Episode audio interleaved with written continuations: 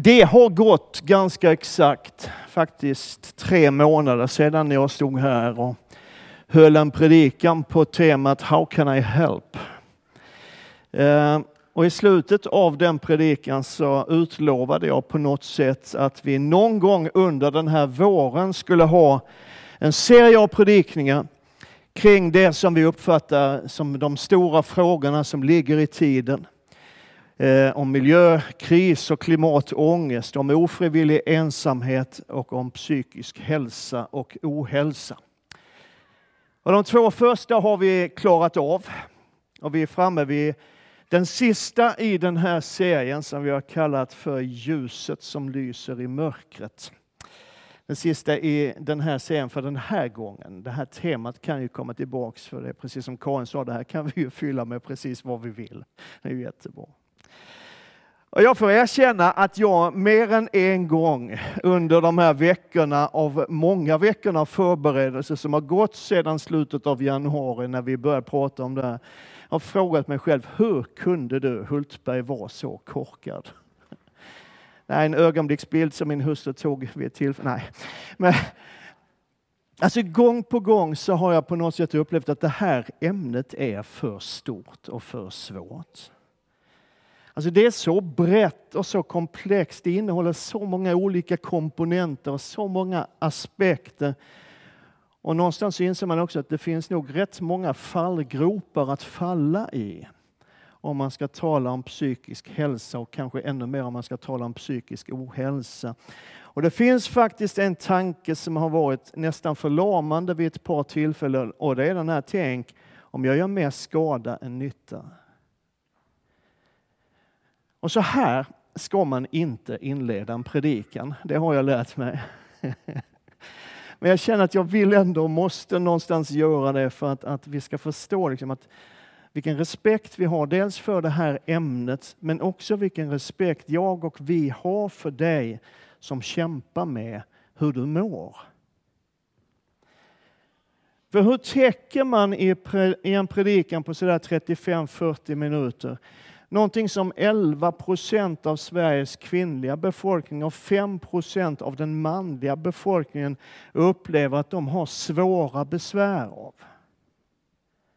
Ungefär 850 000 svenskar uppgav under förra året att man har svåra besvär av ängslan, oro, ångest och depression. Och till det kommer då alla de här som kanske upplever lindrigare besvär. Och de som då och då får kämpa med oro, ångest och depression. Och allt det här går inte att täcka i en predikan och jag tänker inte ens försöka. Och när man har upptäckt att man inte kan täcka ett helt ämne så måste man avgränsa sig. Och jag har gjort en väldigt tydlig avgränsning som jag vill tala om för dig. Jag kommer inte idag att försöka presentera någon enkel och klämkäck utväg ur depression och inre smärta. Det ligger liksom utanför mitt expertisområde och därmed också långt utanför mitt uppdrag. Men den här predikan är född utifrån den längtan som kom till uttryck i predikan How can I help? För vi vill vara ena kyrkan, vi vill vara en församling som älskar andra mer än någon människa någonsin har älskat oss. Vi vill vara en församling som bryr oss om andra människor mer än vad någon människa någonsin har brytt sig om oss. Och vi vill vara en församling som står fast vid din sida när ingen annan orkar göra det. Och det jag vill göra idag, det är dels att lyfta för oss som församling hur viktigt det är, vilken hållning och vilken attityd vi har i de här frågorna. Och dels, och kanske framför allt, också visa mitt i det mörka och mitt i det svåra på ett hopp och på ett ljus och på en framtid. Och jag vill börja där, i ljuset och i det hoppet i bibelord som jag citerar jätteofta för jag älskar dem, så de kommer liksom av sig självt då och då. Så här, där det står så här i Johannes evangeliets första kapitel. I honom, i Jesus Kristus, var liv. Och livet var människornas ljus och ljuset lyser i mörkret och mörkret har inte övervunnit det. Och du som brukar gå i ena kyrkan, du vet att min kommentar till den sista versen, den femte versen, är, den är så här. Det finns inte tillräckligt mycket mörker för att släcka ljuset. Amen. Det kan vara hur mörkt som helst. Både i ditt liv och mitt liv och i alla omständigheter. Men det finns inte tillräckligt mycket mörker för att släcka ljuset. Amen. Och så den här från Johannes evangeliet också, det 14 kapitlet, den 27 versen. Och det är Jesus som talar till de som står honom närmast och så säger han, frid lämnar jag åt er. Min frid ger jag er. Jag ger inte det som världen ger. Låt inte era hjärtan oroas och tappa inte modet. Det är min frid, säger Jesus. Det är inte den sortens frid som finns i den här världen, om det nu ens finns någon frid i den här världen. Världen kan inte ge det jag kan ge, säger Jesus. Och det betyder också att då kan inte världen ta det jag har gett. Amen. Nu, om vi vill ha en förståelse av vad psykisk ohälsa är, så tror jag att det är rätt smart att först förstå vad psykisk hälsa är.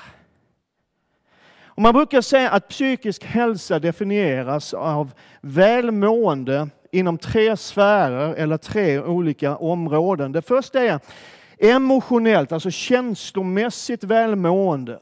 Det handlar om inre kontroll, det handlar om självkänsla och självförtroende. Det handlar om förmåga till åtminstone en viss, ska jag säga, flexibilitet vid förändringar.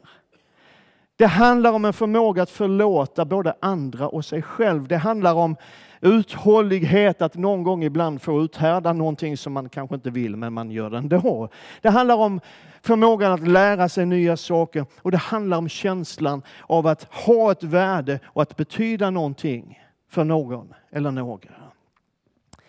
Det andra området handlar om psykologiskt välmående och de här går förstås i varandra. Det handlar om självacceptans och självständighet. Det handlar om att ha en känsla av en kompetens på åtminstone något område i livet. Det handlar om personlig utveckling och uppnående av mål. Det handlar om att ha sunda relationer och det handlar om att uppleva en mening i tillvaron. Vet du bara, det här är en parentes, men vet att ungefär en fjärdedel av Sveriges befolkning upplever att det finns ingen mening alls i tillvaron. En fjärdedel av svenska folket. Och sen det sista området handlar om socialt välmående. Det skulle man kunna tala ganska mycket om, men låt mig sammanfatta det ungefär så här. Det handlar om att trivas med det man är och hur man fungerar i relation till andra. Alltså en förmåga att interagera med andra utan att behöva göra våld på sig själv. Det är lite grann det det handlar om. Och där de här tre områdena samverkar och finns tillsammans och när de här alla tre fungerar och i alla fall någorlunda bra så mår vi någorlunda bra. Och tillsammans så påverkar de här områdena hur vi tänker. Och hur vi tänker, det här vet du redan tror jag, hur vi tänker påverkar och leder till hur vi känner. Och hur vi tänker och hur vi känner påverkar och leder till hur vi agerar. Om vi söker vår tröst och vår hjälp i sunda källor eller i osunda källor, alltihopa det här. Alltså hur vi tänker leder till hur vi känner och det leder till hur vi sedan agerar.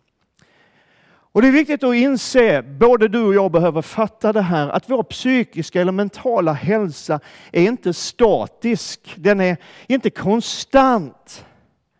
Utan det är fullt möjligt att må bra den ena stunden. Har det varit här någon gång? Att må bra den ena stunden för att nästa stund inte må bra alls. Därför att det är någonting som händer som liksom utsätter något eller alla de här tre områdena eller ett par av dem, som utsätter de här områdena för en stress. Och så börjar det svaja på ett eller annat område. Och när det börjar svaja på ett av de här områdena eller flera av de här områdena så mår vi inte längre lika bra. Det har hänt någonting som har lagt en press och en stress på min självkänsla, på min känsla av värde eller vad det nu är för någonting. Eller när det handlar om det sociala, liksom man är, tycker att man är ganska trygg i sin sociala roll och sin sociala funktion. Plötsligt så träffar man en människa som man inte alls vet hur man ska hantera. Eller hur? Och så blir det en stress i det. Och ibland är det ju tydligt vad som har orsakat att vi mår dåligt när vi gör det. Ibland är det nästan omöjligt att hitta orsaken. Det har liksom bara blivit för mycket och vi orkar inte riktigt hålla ihop oss själva. Och då kan man förenklat uttryckt säga att det är vår förmåga att återhämta oss från de här smällarna, stressen som ibland drabbar oss på vissa områden. Det är vår förmåga att återhämta oss från de smällarna som är den här tunna gränsen mellan psykisk hälsa och psykisk ohälsa. Och den förmågan påverkas i sin tur av en mängd faktorer som vi inte ska ta tid att gå in på nu. Men vi kan bara konstatera att den där förmågan att återhämta sig från stressen och smällarna i livet är olika för oss alla och att den kan variera vid olika faser i livet. Och lyssna nu, för det här är jätteviktigt. Jag tänker att för oss som församling så är den stora och viktiga frågan till oss som kyrka och församling. Underlättar vi eller försvårar vi en sån återhämtning? Visst är det en bra fråga? Man skulle kunna ha bikupen en stund, men vi ska Det händer att jag hör, och du kanske har hört det också, saker i stil med att när jag var i kris, när jag gick igenom det där svåra, så fick jag mer förståelse för, från mina okristna vänner än från vännerna i församlingen. Och det gör ont att höra det. Men jag har också hört, och jag skulle säga att jag har nog hört det oftare, att hade jag inte haft mina vänner i församlingen så vet jag inte hur jag skulle ha orkat. Det har jag hört oftare. Och jag kan säga att det är mitt vittnesbörd, det är min familjs vittnesbörd i den kris som vi gick igenom under förra året. Hade vi inte haft det, hur skulle vi ha pallat då? Men jag har ibland funderat på liksom vad vår kultur och vårt sätt ibland att vara och tala, vad det gör med dem, eller de av oss ska jag säga, som går igenom en svår kris, som lider av ångest, som lider av oro och depression. Och det är ju inte bara i församlingen, men här också. Men det gäller ju i samhället i stort. Vi har svårt att tala om det som är svårt. Och i den kristna församlingen, om jag får vara lite skarp, det är du ju inte van vid att jag är, men jag kan vara det lite nu. Är det okej? Okay? Alltså I den kristna församlingen så finns ibland en sorts lyckokultur. Att är du frälst så ska du vara glad. Och är du frälst så ska du må bra. Och ibland så har man kommit till gudstjänst och liksom mötesledaren drar på med sån här hype att är ni glada? Och man sitter där och känner liksom att nej, måste jag vara det? En del av er känner igen vad jag pratar om, en del undrar vad i all världen pratar han om nu? Jag är alltid glad. Men vi har liksom också en kultur i vårt land, i vår tillvaro, där vi säger att det är bra när det faktiskt inte är det. Eller hur? Vi säger, ja men det är bra, det är fint, även när det inte är det. Och det är ju inte bara här i Sverige, det finns i de flesta kulturer. Liksom britterna frågar How do you do? Och amerikanerna säger How are you? Och grejen är att de förväntar sig inget svar på den frågan, utan det förväntade svaret det är en motfråga How are you? Ungefär så. Vad är de franskspråkiga länderna så har man sitt ”sava”? Det är både en fråga och ett svar, det är jättesmidigt. Vet, går det uppåt på slutet så är det en fråga, går det neråt så är det ett svar. Ça va, ça va, ça va, ça va. Så här liksom. Alltså franskspråkiga män... Nej. I väckelsekristna sammanhang och kanske speciellt i den här pingstkarismatiska frågan som vi, eh, fåran som vi tillhör, så skapar vi liksom ibland en förväntan. Att kom till Jesus så blir allting väl. Typ omedelbart. Och det stämmer ju inte riktigt. Eller hur? Jag vet att det finns kristna, jag känner personligen kristna som kämpar med ångest och med depression och med nedstämdhet och oro och ängslan. Och de får liksom också ta kampen med den här känslan av att jag borde inte må så här när jag är frälst. Jag borde vara glad och lycklig och happy clappy och superkarismatisk. Liksom för Jesus har ju frälst mig. Och den känslan, att jag borde inte vara så här, underlättar inte direkt den här återhämtningen som vi pratade om. Utan istället så blir ju den känslan av att jag borde inte vara sån här, blir ju ännu en smäll mot självkänslan, mot självförtroendet, mot känslan av att det är nog rätt okej okay med mig. Och så blir det liksom en, jag är nog ingen riktig kristen som mår så här. Och så faller känslan av värde. Och då har vi ju inte underlättat att hantera livets övriga smällar om vi bygger på på det sättet. Är ni med vad jag pratar om? Och det är ju absolut, det tycker jag verkligen, det är ju härligt att höra de här vittnesbörden. Liksom att när jag kom till Jesus så blev jag omedelbart befriad ifrån rökning och knark och alkohol eller vad det nu är för någonting. Det är härligt att höra det. Men att säga att allt i ditt liv omedelbart blir fixat när du kommer till Jesus är helt enkelt inte sant. Och nu är det väldigt tyst i ena kyrkan. Men det gör inget. Jag har varit predikant i typ 40 år. Jag har rört mig i stort sett i alla kristna sammanhang. Åtminstone på den protestantiska sidan av tillvaron. Från EFS och Svenska kyrkan där jag blev frälst till det allra mest karismatiska av det karismatiska, alltså på gränsen till charismaniacs. Men grejen är att jag under de här åren inte har hört ett enda vittnesbörd av typen när jag kom till Jesus så tappade jag omedelbart mina 40 kilos övervikt. Och vad jag önskar att det skulle vara så. Eller håret kom tillbaka på mitt huvud i samma stund som jag sa ja till Jesus. Eller mina gula tänder blev vita som snö när jag sa ja till Jesus Kristus. Eller liksom mina bankkonton gick från minus till ett kraftigt plus när jag bekände mina synder. Alltså jag blev frälst när jag var 18 år, så det är tre år sedan. Men, men äh, alltså tron hade jag sedan barnsben och med modersmjölken. Men det var då, när jag var 18 år, som jag bestämde mig för att följa Jesus. Det är 44 år sedan om vi nu ska vara ärliga.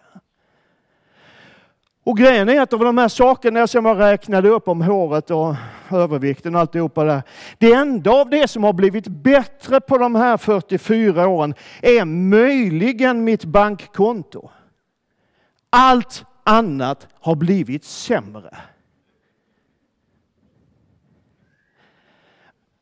Vad vill du komma med det här? Jo, jag vill komma hit att vi behöver tillsammans, älskade syskon, bryta den här myten om att kristna alltid förväntas att må bra och alltid förväntas vara på topp därför att varenda en av oss, om vi är ärliga för ett par sekunder, vet att det inte är så. Och om vi låtsas att det är så, så skapar vi ytterligare hinder och bördor för människor som redan kämpar. Och vi behöver skapa en miljö, en atmosfär och en kultur där det är okej okay och kanske till och med lätt att säga hur det egentligen är.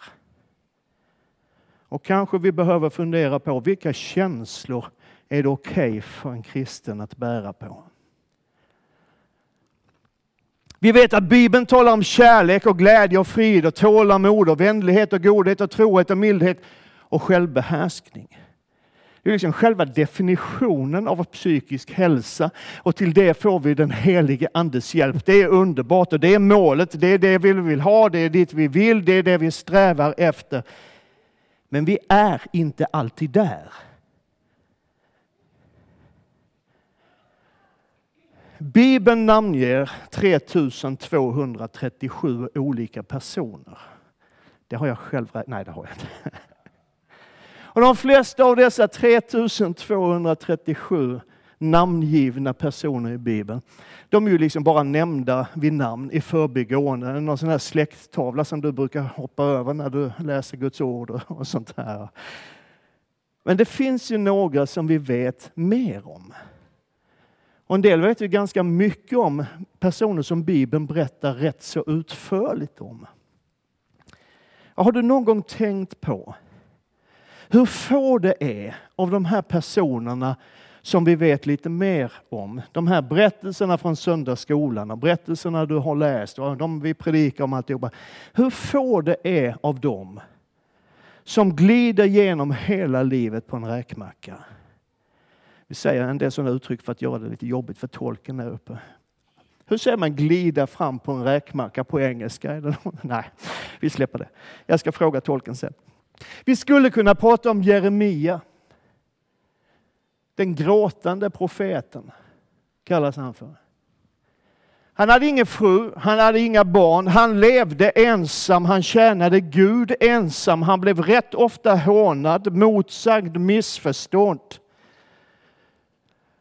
Och vid ett tillfälle så är han så trött på allt så han bara utbrister, förbannad är den dag då jag föddes. Vi skulle kunna prata om Elia som direkt efter att han har upplevt en av de största andliga segrarna i sitt liv går direkt och sätter sig under en buske och önskar att han var död. Alltså det var en riktig segerdag. En sån där magnifik segerdag. Gud var verkligen där. Han fick se Guds kraft, han fick se Guds härlighet. Och Herren bekände sig till Elias offer, bekände sig till sin tjänare. Gud var så nära, så påtagligt närvarande. Och ändå är Elia efteråt helt utbränd, orkar inte mer och han säger till Gud, nu får det vara nog Herre, ta mitt liv. Eller David som i psalm 102 säger att mitt hjärta är bränt och visset som gräs. Jag är som en pelikan i öknen. Det är väl ett underbart uttryck. Vi skulle använda det mer. Vad i all världen menar han med det? Men jag tror att, att alla vet att pelikaner är vattenfåglar. Det är där de ska vara. I vattnet finns allt vad de behöver. Det är där de hör hemma liksom. Och en pelikan i öknen är på helt fel plats. Det finns inget där. Och jag tror att David försöker beskriva den känslan av att allt är fel. Precis allt är fel. Jag passar inte in här. Jag vet inte vad jag ska göra. Det finns inget här för mig. Har du någon gång känt det i något sammanhang? Och Det som gör det här lite jobbigt, det är att man inser att det här är inte en tillfällig situation som David beskriver i den salmen. Han talar om sitt liv. Och det är samma David som skriver att han, Gud, låter mig vila på gröna ängar. Han för mig till vatten där jag finner ro. Alltså, livet pendlar. Och det är inte alltid som vi önskar att det skulle vara. Men jag har valt att stanna ett par minuter inför en person som vi egentligen inte vet så där enormt mycket om. Han heter Heman. Det är inte liksom actionhjälten He-Man, utan det här är Bibelns Heman. Hans farfar var Samuel, du vet gudsmannen, profeten, domaren som styrde Israel och liksom gjorde ett folk av de tolv stammarna. och verkligen var en gudsman. Och Hemans far, han hette Joel och han var också domare efterträdde Samuel tillsammans med sin bror Abia. Men problemet med Joel och Abia, domarna Joel och Abia, det var att de var båda två rätt så korrupta. De tog mutor, de förvrängde lagen. Och de här två bröderna, Joel och Abia, de var, kan man säga, den indirekta och nästan direkta orsaken till att folket tröttnade på korrupta ledare och begärde att få en kung istället. Så det skulle bli någon ordning på, på torpet liksom. Och en av dem var alltså Hemans far. Och ändå trots att han växte upp med en ganska korrupt och skum pappa så gick det bra för Heman. Han var musiker, han var sångare, han var låtskrivare. Och tillsammans med sina vänner Asaf och Etan så blev han utvald att leda lovsångsteamen i templet. Han hade, kan man säga, kommit så långt det gick att komma i en musikkarriär i den tidens Israel. Och han hade en stark andlig utrustning. Det står om honom i ett annat sammanhang att han var kungens siare, det vill säga en som kunde uttyda drömmar, som förstod andliga ting. Han var andlig rådgivare till kungen. Och han var vis. Riktigt vis. Vet, när man läser Bibeln så upptäcker man att kung Salomo han beskrivs som den visaste bland de visa. Alltså ingen har varit så vis som Salomo och alltihopa där. Men grejen är att när man på den tiden skulle beskriva hur vis Salomo var så jämförde man med Heman. Och sa att Salomo är till och med visare än Heman. Så det ser ju ut som att det fanns ett och annat som var på topp i Hemans liv. Ett bra jobb, säkert välbetalt. Han tillhörde den yppersta eliten av musiker i landet, ständigt streamad på Spotify och allt sånt här. Han hade en stor familj och ibland kan man undra om det var därifrån hans psykiska ohälsa kom. Han hade 14 söner och tre döttrar. Och han tjänade Gud troget i de uppdrag han hade fått. Men han mådde inte bra. Det finns en psalm som bär hans namn och det är troligen den mörkaste och svartaste av alla psalmerna. Det är mörkare än alla Kents låtar sammantaget och du kan lägga på Winnerbäck också. Det är psalm 88. Han skriver så här. Jag räknas bland dem som går ner i graven. Jag är som en man utan livskraft. Jag är övergiven bland de döda, likt de fallna som ligger i graven, de du inte längre tänker på, som inte mer är i dina händer. Du har sänkt mig längst ner i hålan, ner i mörkret och ner i djupet. Vi vet inte exakt vad det var som plågade Heman. Varför han upplevde livet och tillvaron så totalt nattsvart. Men han ger en hint att det här är någonting som han har burit på länge. Plågad är jag och döende från min ungdom. Jag bär förskräckelse från dig och förtvivlar. Alltså det ser ut som att ett trauma på något sätt i ungdomen kanske hörde ihop med hans skumma pappa. Det, vi vet inte. Men det är någonting som ligger ända tillbaka i ungdomen som har orsakat hans psykiska ohälsa. New International Version säger From my youth I have suffered. Det här har jag burit med mig. Det här mörkret har jag burit med mig sedan jag var ung i hela livet och jag vet att det finns de här idag som kan relatera till precis detta. Och så beskriver han hur hans depression, hans mörker har fått hans vänner att dra sig undan. De orkar liksom inte riktigt med honom. Du har fjärmat mina förtrogna från mig. Du har gjort mig vidrig för dem, fångad så att jag inte kommer ut. Och jag sa att den här salmen antagligen är den mörkaste av alla de 150 salmerna då kan man tänka, ja men mycket av det här känner man ju igen från andra psalmer. Det fanns lite sånt här i den 18 psalmen som vi läste i början också. Och det finns ganska många, jag skulle säga nästan huvuddelen av psalmerna speglar på ett eller annat sätt hur svårt och tufft livet ibland kan vara.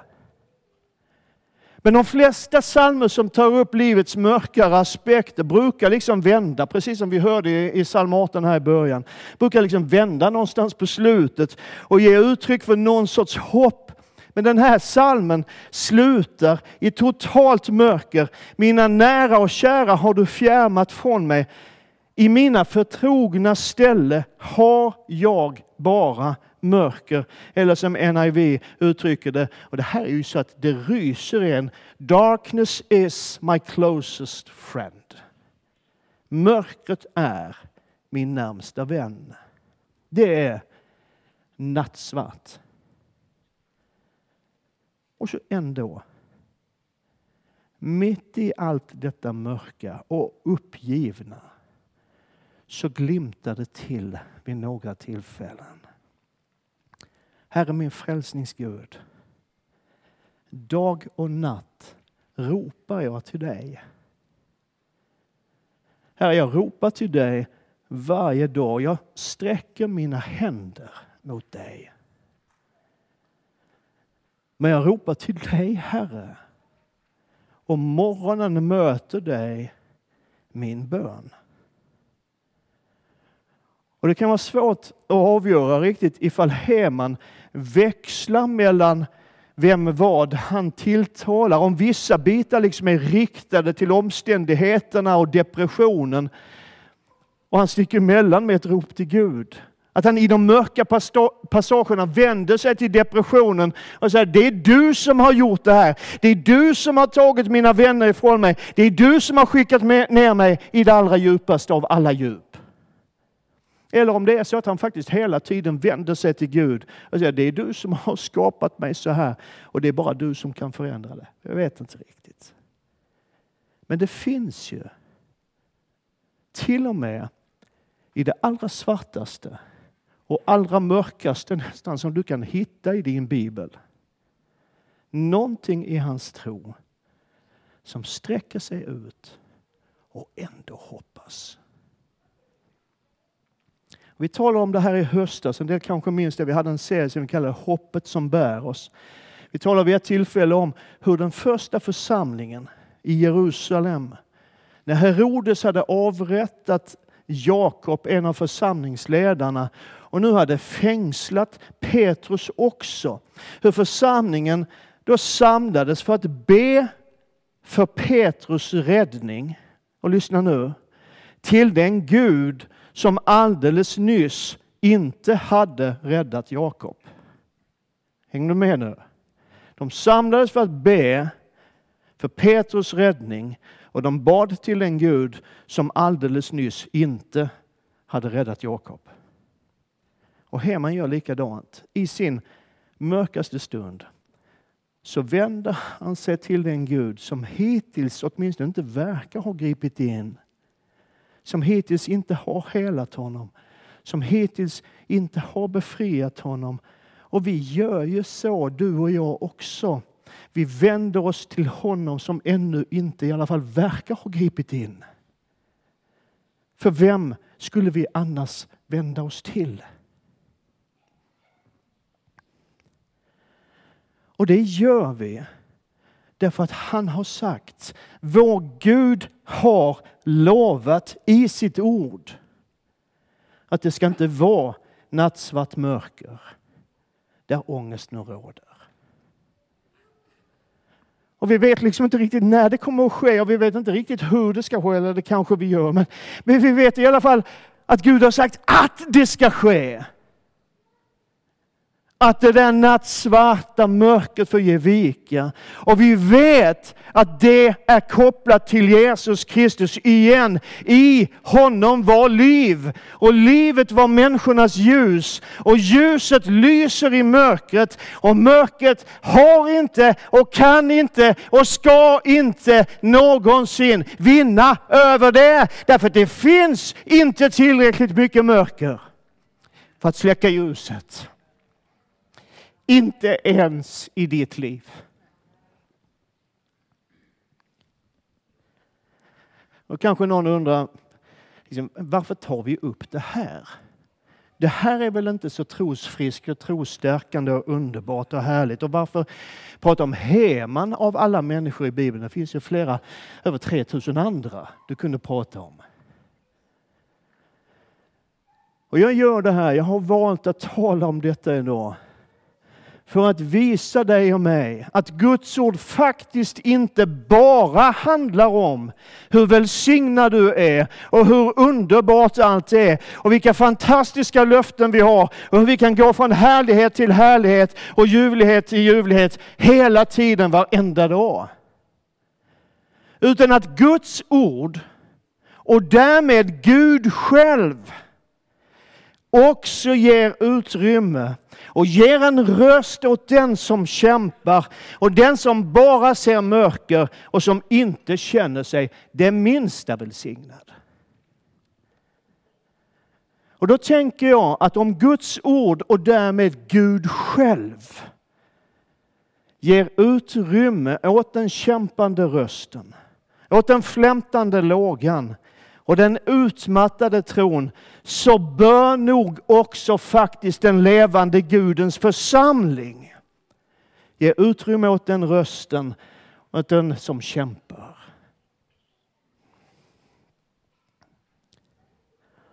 Och jag vill avsluta med en som jag tycker i alla fall, för mig är den det, en av Bibelns allra starkaste berättelser. När han som var ljuset som skulle komma och som är ljuset som har kommit själv är den som kämpar. När han som är Guds ljus är så pressad och så plågad att han ber sin himmelske far om att få slippa. Och han drog sig undan från dem, ungefär ett stenkast och föll på knä och bad Far, om du vill så ta den här bägaren ifrån mig. Men ske inte min vilja utan din. Och han kom i svår ångest. Bad allt ivriga och hans svett blev som blodsdroppar som föll ner på jorden. Kan du se det här framför dig? Han som är ljuset upplever en sån ångest och en sån kamp att hans kropp börjar gå sönder. Och där och då, och sen hela vägen till korset, genom hela Golgata-dramat, så bar Jesus inom sig allt det som plågar dig och mig. Vår oro, vår ångest och vår desperata längtan efter frid. Och vet du att Bibeln säger att det var nödvändigt. Att det är på grund av det som det faktiskt finns hjälp att få. Vi har inte en överste som inte förstår våra svagheter utan en som själv har blivit prövad på alla sätt, precis som vi, men utan synd. Låt oss därför frimodigt komma fram till nådens tron och få barmhärtighet och finna nåd när vi behöver hjälp. Och Det betyder inte att vi säger att allt du behöver är Jesus. Det händer nog att vi säger det, men vi menar det inte riktigt. För vi tror faktiskt inte att det är riktigt sant. Att allt du behöver är Jesus. Vi tror att det du behöver och det jag behöver och det vi alla behöver är Jesus och människor omkring oss som är fyllda av den kärlek och den barmhärtighet och det ljus som kommer från Jesus. Och de människorna, älskade syster och bror, de människorna vill vi vara för dig och för varandra. Vi vill älska dig med allt vad vi är och allt vad vi har. Och vi vill bry oss om dig som ingen annan tidigare någonsin har brytt sig. Och vi vill finnas där för dig när ingen annan gör det. Och vi kommer inte alltid att lyckas leva upp till det vi vill. Vi kommer säkert att göra dig besviken, men låt oss då får försöka igen. Och igen. För det här är vad vi i ena kyrkan vill vara som kyrka och församling. En varm och öppen famn för alla oss som inte alltid vet vad vi ska ta oss till eller hur vi ska orka. En plats där himlen får möta jorden. I en väldigt bristfällig men varm gemenskap om människor som vandrar samma väg som du. Amen, Evelina.